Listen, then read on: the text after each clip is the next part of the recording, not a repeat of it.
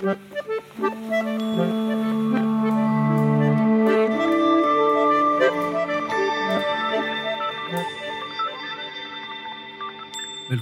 til podkasten Ytringsklima.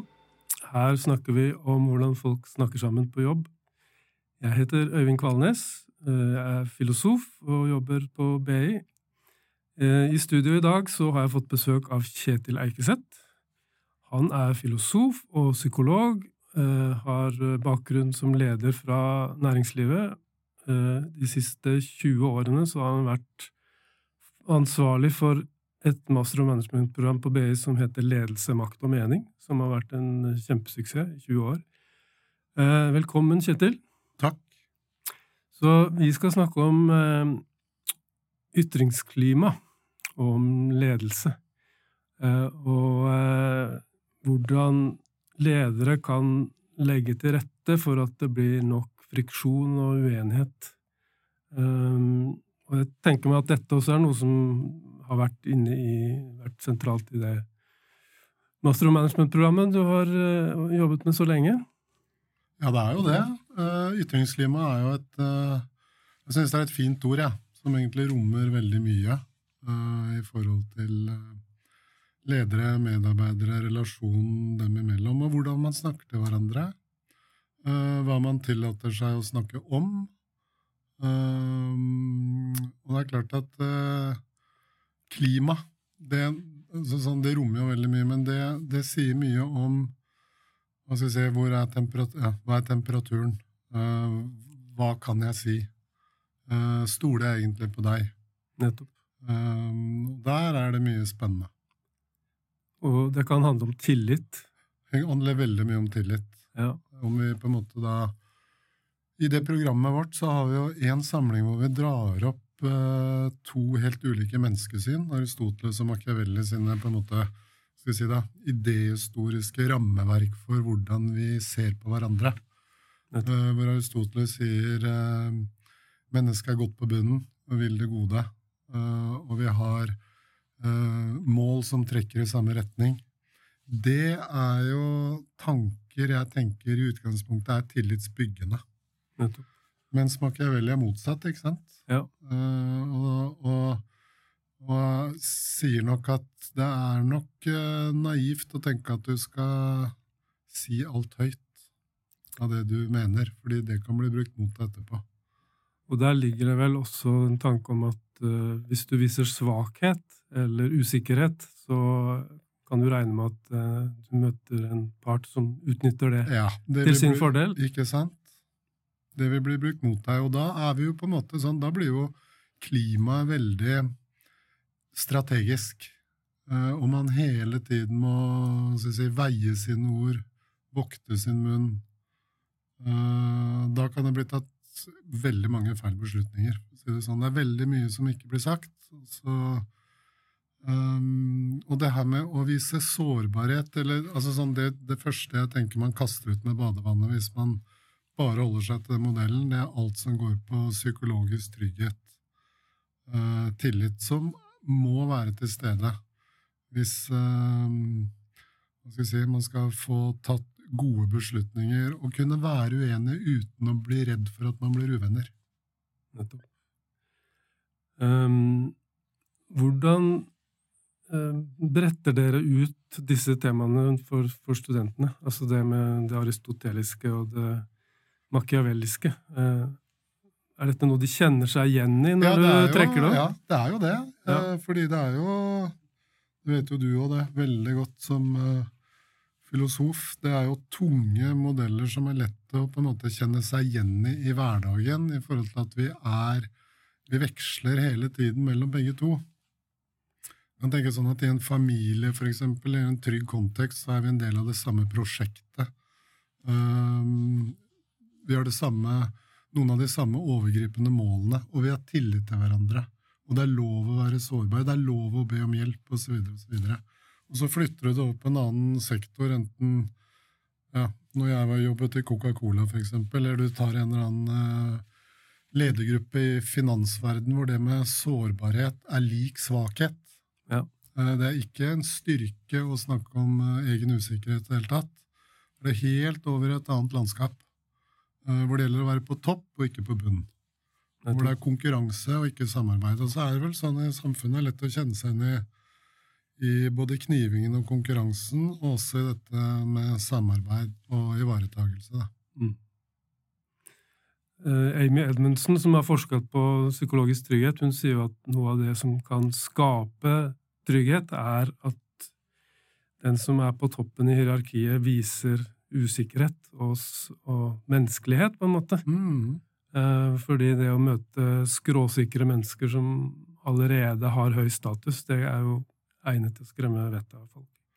Ja, absolutt. Og jeg tenker eh, Amy Edmundsen er inne på veldig mye viktig i det, for hun har forsket mye på det. Og dette med at det kommer mer og mer det der, at dette å dele tvil, dele sårbarhet og vise seg fram som et menneske For ledere så er det, blir det veldig ofte opplevd som en Faktisk som en styrke. Og det åpner opp veldig for eh, det, det gjør noe med det klimaet, og det vil gjøre veldig mye.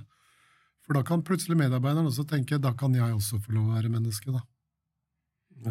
Så det er veldig sånn rollemodellerende. eh, Det som på en måte gjør det skummelt, og jeg tror hvis man skal snakke om ytringsklima, så skal man ikke bare snakke om klima eller relasjon, man må snakke litt om lederen også. Det er jo en del ledere som fremstår veldig skråsikre, og som fremstår veldig sterke, som egentlig er veldig, veldig redde for å vise, vise fram sårbarhet og usikkerhet. Eh, Og hvor man på en måte kan lure på er det liksom egentlig selvfølelsen som er litt bristende under her. Um, og at hva skal jeg si, da, forsvaret er så høyt at det å på en måte kunne si 'sorry, folkens, men der tror jeg jeg tok feil', det, det, ja, det er nesten så det, da tenker de sånn, da krenker jeg meg selv hvis jeg innrømmer noe. Jeg var i en forsamling i Oslo kommune i, i forrige uke som understreker det du sier, egentlig. Eller jeg erfarte noe som understreker det. Da var det en bydelsdirektør som fortalte at hun hadde vært veldig nær ved å sette, trykke på startknappen for et stort prosjekt hvor de skulle legge kunstgress over en stor flate Mm. i bydelen hennes. Og hun var så begeistra for den ideen sjøl.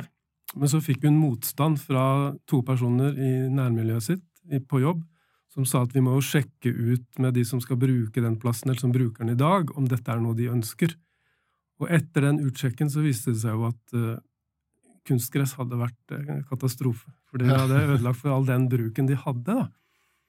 Eh, men jeg syns det var veldig sterkt at hun delte den historien foran en stor forsamling. Og hun gjorde jo nettopp det du sier, da. Altså, hun delte sin feilbarlighet, og egentlig også det at hun var avhengig av at andre kom med motspill. Det er jo en nydelig historie. Hun har sikkert vært på kurs med meg ennå. Det kan godt hende. Men, og det er så rollemodellerende òg, ikke sant? Ja. Uh, og det, det gjør Det skaper en trygghet for at man faktisk kan si det man mener. uh, og hvor uh, man ikke holder garden oppe fordi det er farlig å si noe som kan være upopulært, være feil og sånne ting. Så på den måten så kan man nok få bedre hva skal vi si, diskusjoner, og også tåle konflikt mye bedre hvis klimaet er trygt og man opplever at man på en måte er god nok som den man er. Og så får jo diskusjonene på en måte få lov å, å gå fram og tilbake, men man er akseptert fra før som, som den man er, og at det er lov å si det man mener. Det er kjempeviktig. Eh, Men du jo, hadde en periode før du begynte på BI, og før du begynte med ledelse, makt og mening, hvor du var eh, leder i, i næringslivet sjøl. Har du trukket noen veksler, eller hva, hva slags erfaringer dro du med deg derfra som du kunne uh, Da dro jeg med meg, da dro jeg med meg levd liv, da. Ja. Altså sånn, eller livserfaringer i det å faktisk da være en del av uh, store organisasjoner hvor alt det vi foreløser om i teori, og som man leser om i bøker, det spiller seg ut hele tiden. Ja. Um, det husker jeg. Du husker jo han du også, Arne Næss på, på Universitetet i Oslo.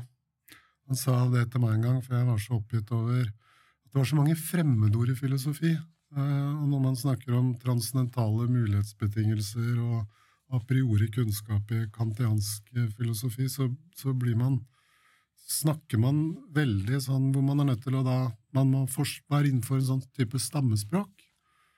Uh, og så var Arne Næss opptatt av Jeg var i hvert fall opptatt av at vi må kunne snakke om filosofi utenfor Filosofisk institutt. Uh, da sa han til meg at hvis du ikke klarer å formidle det du tenker, uh, filosofiske tanker, i hverdagsspråket, så er det kanskje ikke språket det er noe galt med, for det er jo ganske rikt med ord i det norske språk.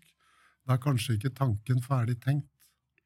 Det var godt sagt. Det syns jeg var veldig fint sagt, så jeg tok ja. med meg det etter mellomfag i filosofi, og så tok jeg og jobbet da Jeg jobbet i Coca-Cola mens jeg skrev om etikk på universitetet. Det unner jeg ingen å prøve. Sånn, den kombinasjonen? Den kombinasjonen er litt sånn split brain. Ja. Da er det dress og to mobiler på dagen, og så kordfløyelsbukse og stappepipe på kvelden. Men det jeg opplevde i Coca-Cola, var jo Det var virkeligheten, da. I, da fikk man for det første se at ytringsklima og organisasjonskultur det er forskjellig på alle arbeidsplasser. Så det er jo summen av de som er der, og hvilken virkelighet de har skapt seg. Og da og først har drevet og jobbet med Borregaard nede i Sarpsborg i Orkla-systemet, og så komme inn i ledergruppa i Coca-Cola, det var helt surrealistisk. Da kom jeg til, i et amerikansk selskap. Det er blitt veldig annerledes eh, nå, sånn som Coca-Cola drives i Norge i dag, med nordmenn. Men da var det amerikanere der. Så husker jeg vi hadde sjefen min som var administrerende, han var fransk, sånn ekspat. Og han Det sier litt om det klima, ytringsklimaet vi var i, fordi det første han spurte dem hver dag, det var How is your success this week? Altså, vi snakker bare om ja. suksess og prestasjoner. Nettopp. Og så hadde jeg en kollega som var midt i en skilsmisse. Eh, så når hun kom den morgenen, så husker jeg hun var helt sånn på gråten, så jeg sa at hvis jeg spør henne nå hvordan det går, begynner hun å gråte.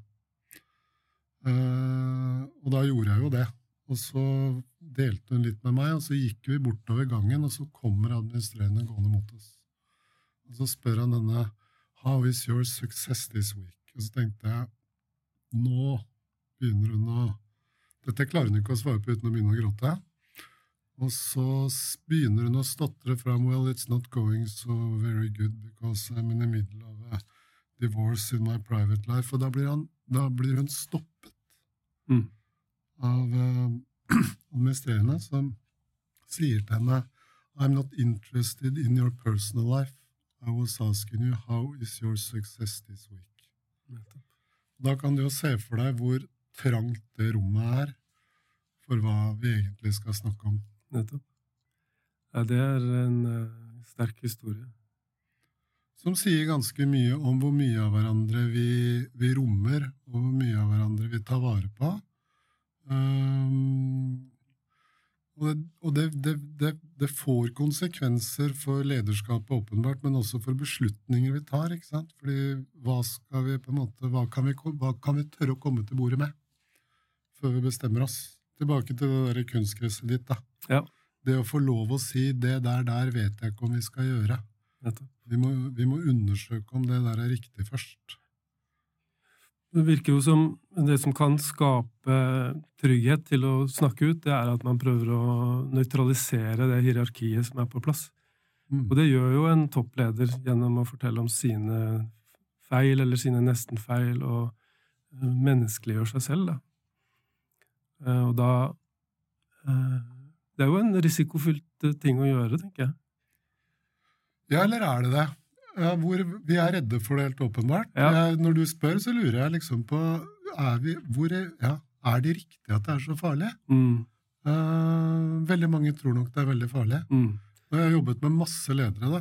Uh, og det er skeivt utvalg, fordi de vi jobber med, de har jo skjønt dette litt. De er interessert allerede. Sant? De er interessert allerede, så de, de, de har åpnet den døren, det. Ja. Uh, og så ser de at de får egentlig ganske mye bekreftelse fra kolleger og ikke minst organisasjon og medarbeidere at dette uh, gjør de bare Hva skal vi si da? verdigheten øker, de blir sett opp til i mye større grad, de får mye større tillit osv. Men at mange kan eh, skjønne at det er, eh, eller tenke at det er skummelt, Mm.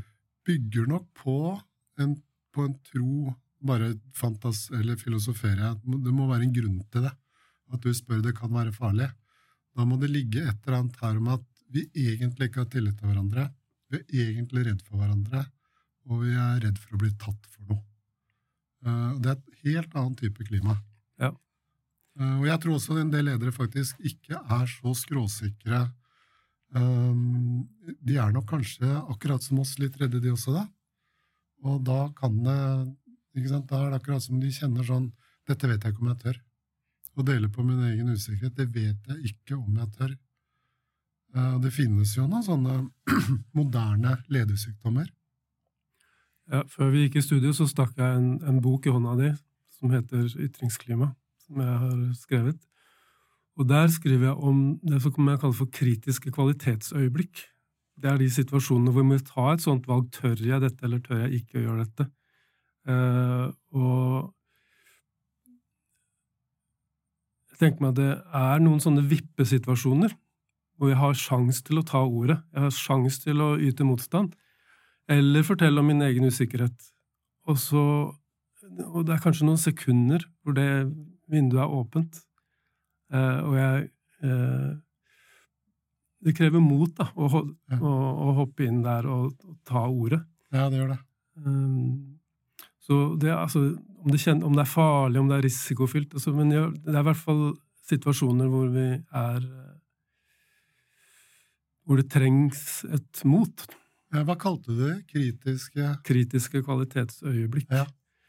Så et eksempel fra boka er eh, det er en dirigent som står på podiet, klar til å Det er et kor, stort kor, som skal synge et flott verk. Og så starter dirigenten med å gi den tonen koret skal starte opp fra. Og så er det feil tone. Så brer det seg en usikkerhet blant sangerne, uro, men dirigenten er i sin egen verden og er klar til å starte der.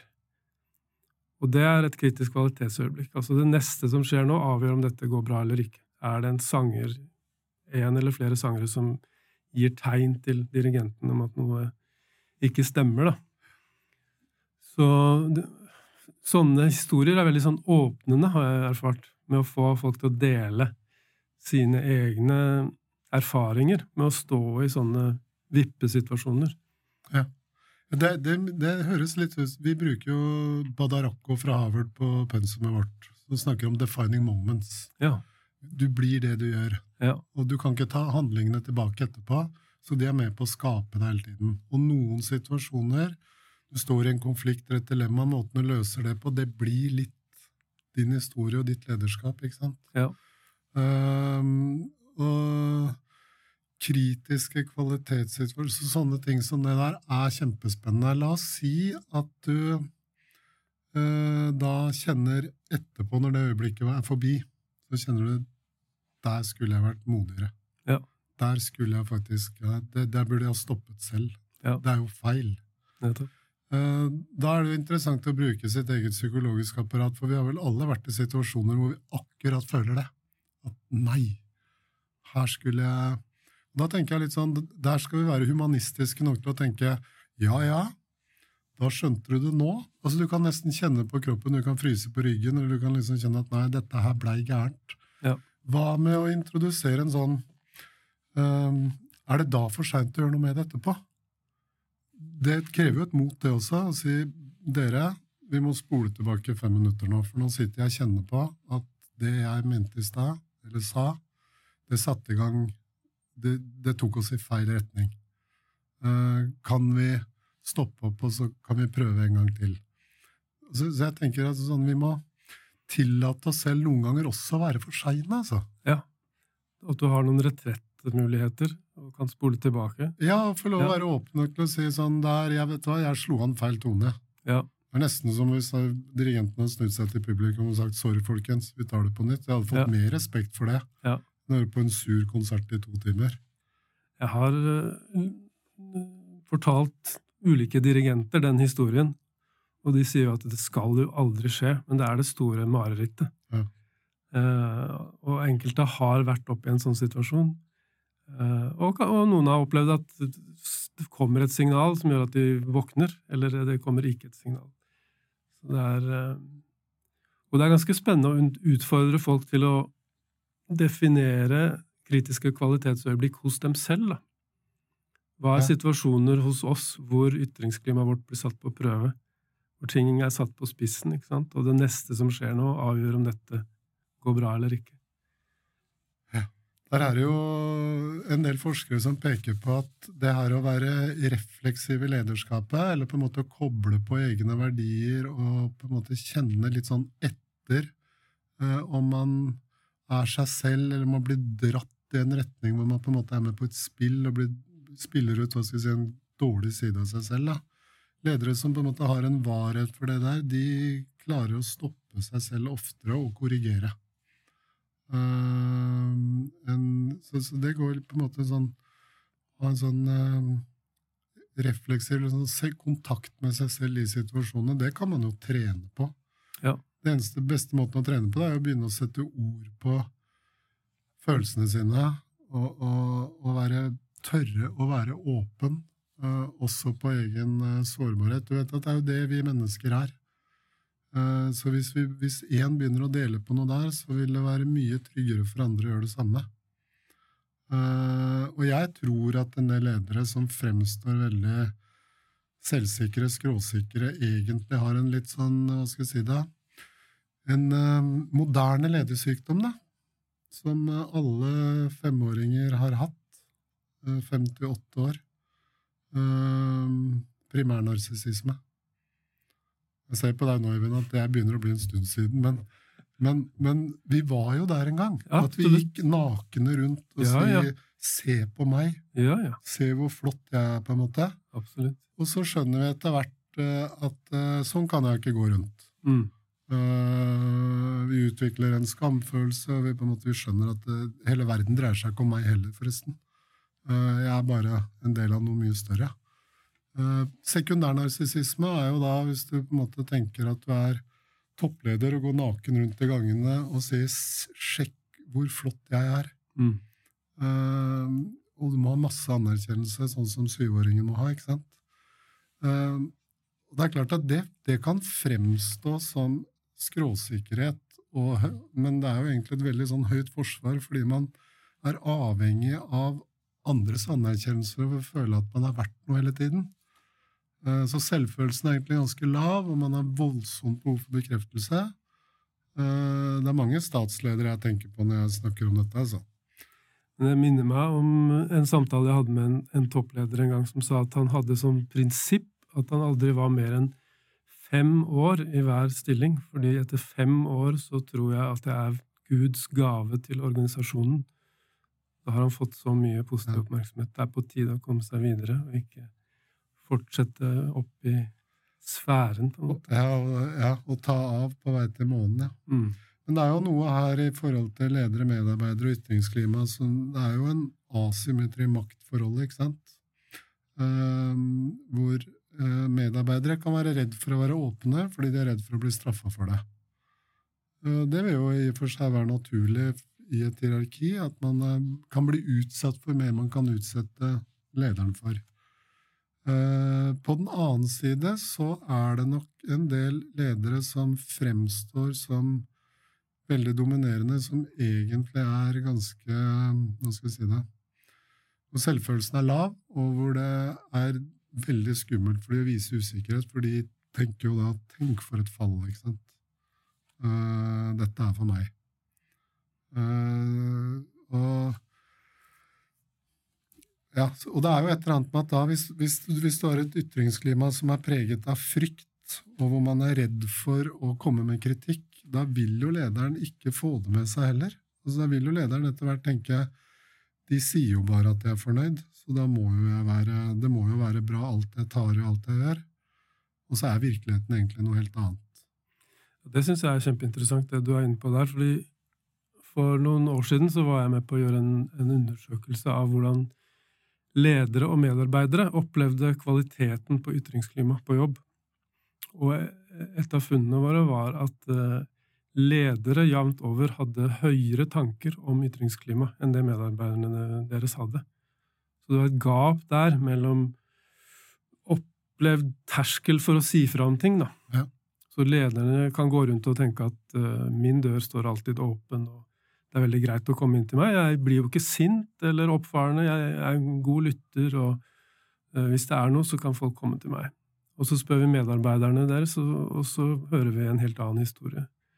Så hva tenker du kan være uh, forklaringene på dette gapet der, som ser ut til å eksistere? Jeg tenker at det gapet er en uh, funksjon av relasjonsproblematikk. En av de er makt. ikke sant? Altså det er et eller annet sånn, Du er redd for å være for åpen med lederen, selv om døren står åpen. Ja. Så er det et eller annet at uh, det er ikke sikkert at det blir mottatt like godt likevel. Og det kan godt hende at lederen sier 'jeg lytter og hører hva du sier, og takk skal du ha', men der begravde du noen av dine opprykksmuligheter, f.eks. Så det kan ligge uh, mye der som gjør at medarbeiderne holder igjen. Uh, uh, men det er klart at det her vil jo Da vil jo et, et godt ytringsklima det vil, Var det ikke Amy Edmundsen som fant ut at i et, i et klima med høy psykologisk trygghet, så rapporteres det om mye mer feil. Ja. Sykehussektoren, for eksempel. Absolutt. Og det motet der til å komme med feil altså Egentlig skulle lederne opp, oppfordra til det i mye, mye større grad. Uh, og der er jeg litt sånn Det har jeg spekulert på. Hvorfor er ledere generelt sett da, så lite interessert i å få høre hva medarbeidere egentlig tenker om dem? Altså Når vi kjører kurs, så gjør vi jo det der sånn strukturelt da, at vi på en måte prøver å bygge opp en psykologisk trygghet i det klimaet de jobber i, som gjør at, uh, de, at medarbeideren kan sette seg bak ryggen på lederen sin og snakke om vedkommende tredjeperson, om hvordan de egentlig opplever den personen som leder. Uh, det burde ledere ha gjort mye oftere. Fordi virkeligheten vi lever i Nå har vi kjent hverandre en stund. Uh, jeg går jo rundt og har ideer og tanker om hva syns Øyvind Kvalnes om Kjetil Eikseth? Det har jeg svaret på, tenker jeg. Mm. Jeg tenker, ja, Han liker meg, og vi har kjent hverandre lenge, og sånne ting, men jeg har jo aldri spurt deg hva du syns. Nei. det, er, det, det, kan vi ta etterpå. Det, vi har skrudd av mikrofonen, ja, og alt ja, det. Blir mellom deg og meg, tenker jeg. Det blir mellom oss to. Det tar mer enn en halvtime, det er jeg helt sikker på. Men, men poenget er det at eh, ledere skulle vært mye mer nysgjerrig på å prøve å få tak i Husk både truth is in the eye of the beholder. altså Lederen ser jo ikke seg selv. Øynene går utover. Vi ser bare hverandre, vi. Men vi er veldig lite nysgjerrige på hvordan fremstår jeg sosialt. For det er jo den sosiale virkeligheten lederen virker. Det er jo på den måten lederen påvirker medarbeiderne hele tiden, og det er jo det fantastiske tilbakemeldinger å få. Ja, vi, vi, vi, vi, vet noen ganger at du later som du lytter, men du bryr deg egentlig ikke så mye om hva vi sier. Hvis lederen hadde fått en sånn tilbakemelding, det er jo gull verdt. For det kan jo lederen gjøre noe med. Så, den, så den der nysgjerrigheten der øh, Og det er klart at hvis man lager et klima hvor sånne ting er lov å snakke om, så vil jo den psykologiske tryggheten bygges. Det vil bli mye Det vil bli et mye bedre samarbeidsklima, da, tenker jeg. Men da må det gjøres en jobb, og da må man på en måte uh, invitere til det.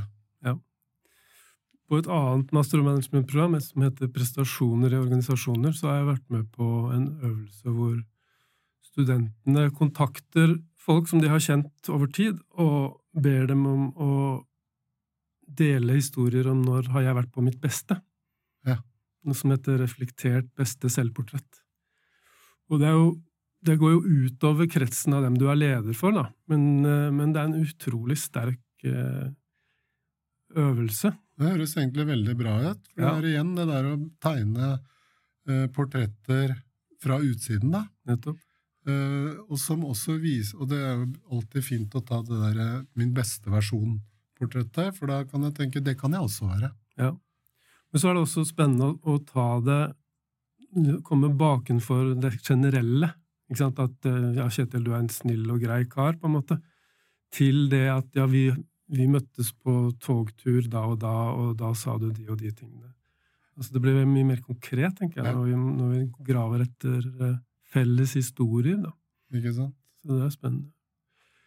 Eh, vi nærmer oss slutten på denne samtalen, Kjetil. Eh, jeg har lyst til å komme tilbake til Arne Næss, som du nevnte.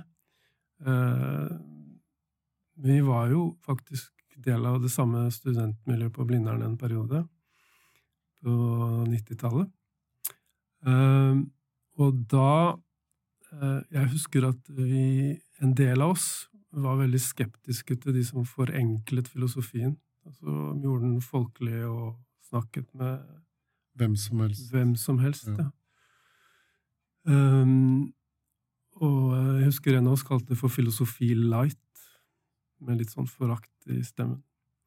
Men jeg har plukket opp igjen Arne Næss sin bok Livsfilosofi de siste årene, og hatt mye glede av å lese den.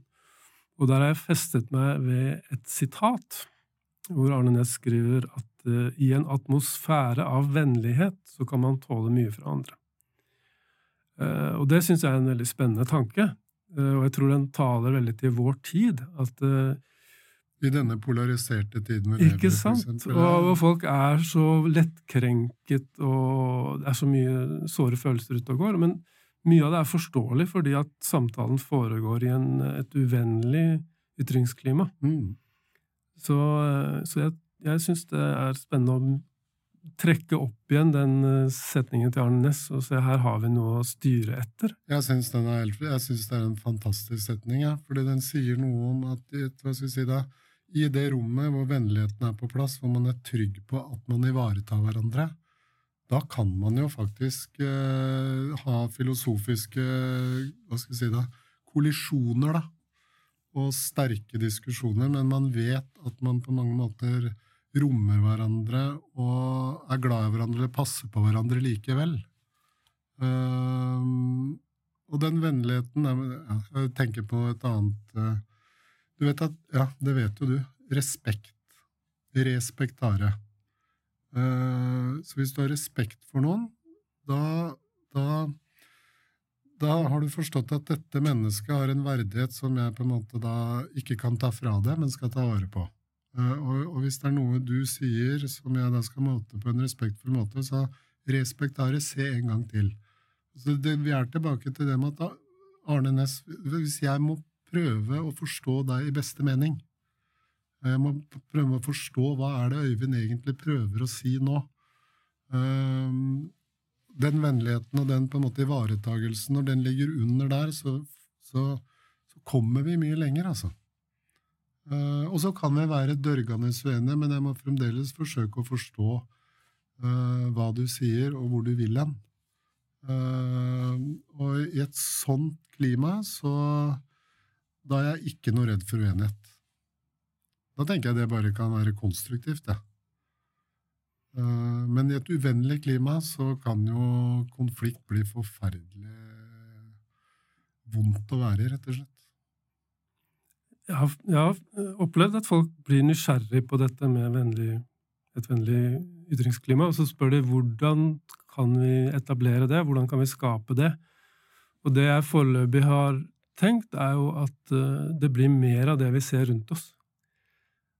Så hvis vi vil etablere en vennlig atmosfære, så kan vi gjerne gå i front selv og så eksemplifisere den vennligheten vi ønsker mer av, og så se det hele bre seg utover. Ja, det er vel, vi ender vel oppi det, da. At uh, alle endringer må Da må du begynne med deg selv. Jeg vil si tusen takk til deg, Kjetil Eikseth, for at du var med i studio. Vi har mimra litt om eh, felles eh, fortid eh, på Blindern, men snakket om viktige ting, tenker jeg. Om sårbarhet og å møte andre med tillit og respekt. Tusen takk for at du tok deg tid til å være med. Takk for at jeg fikk komme. Hyggelig.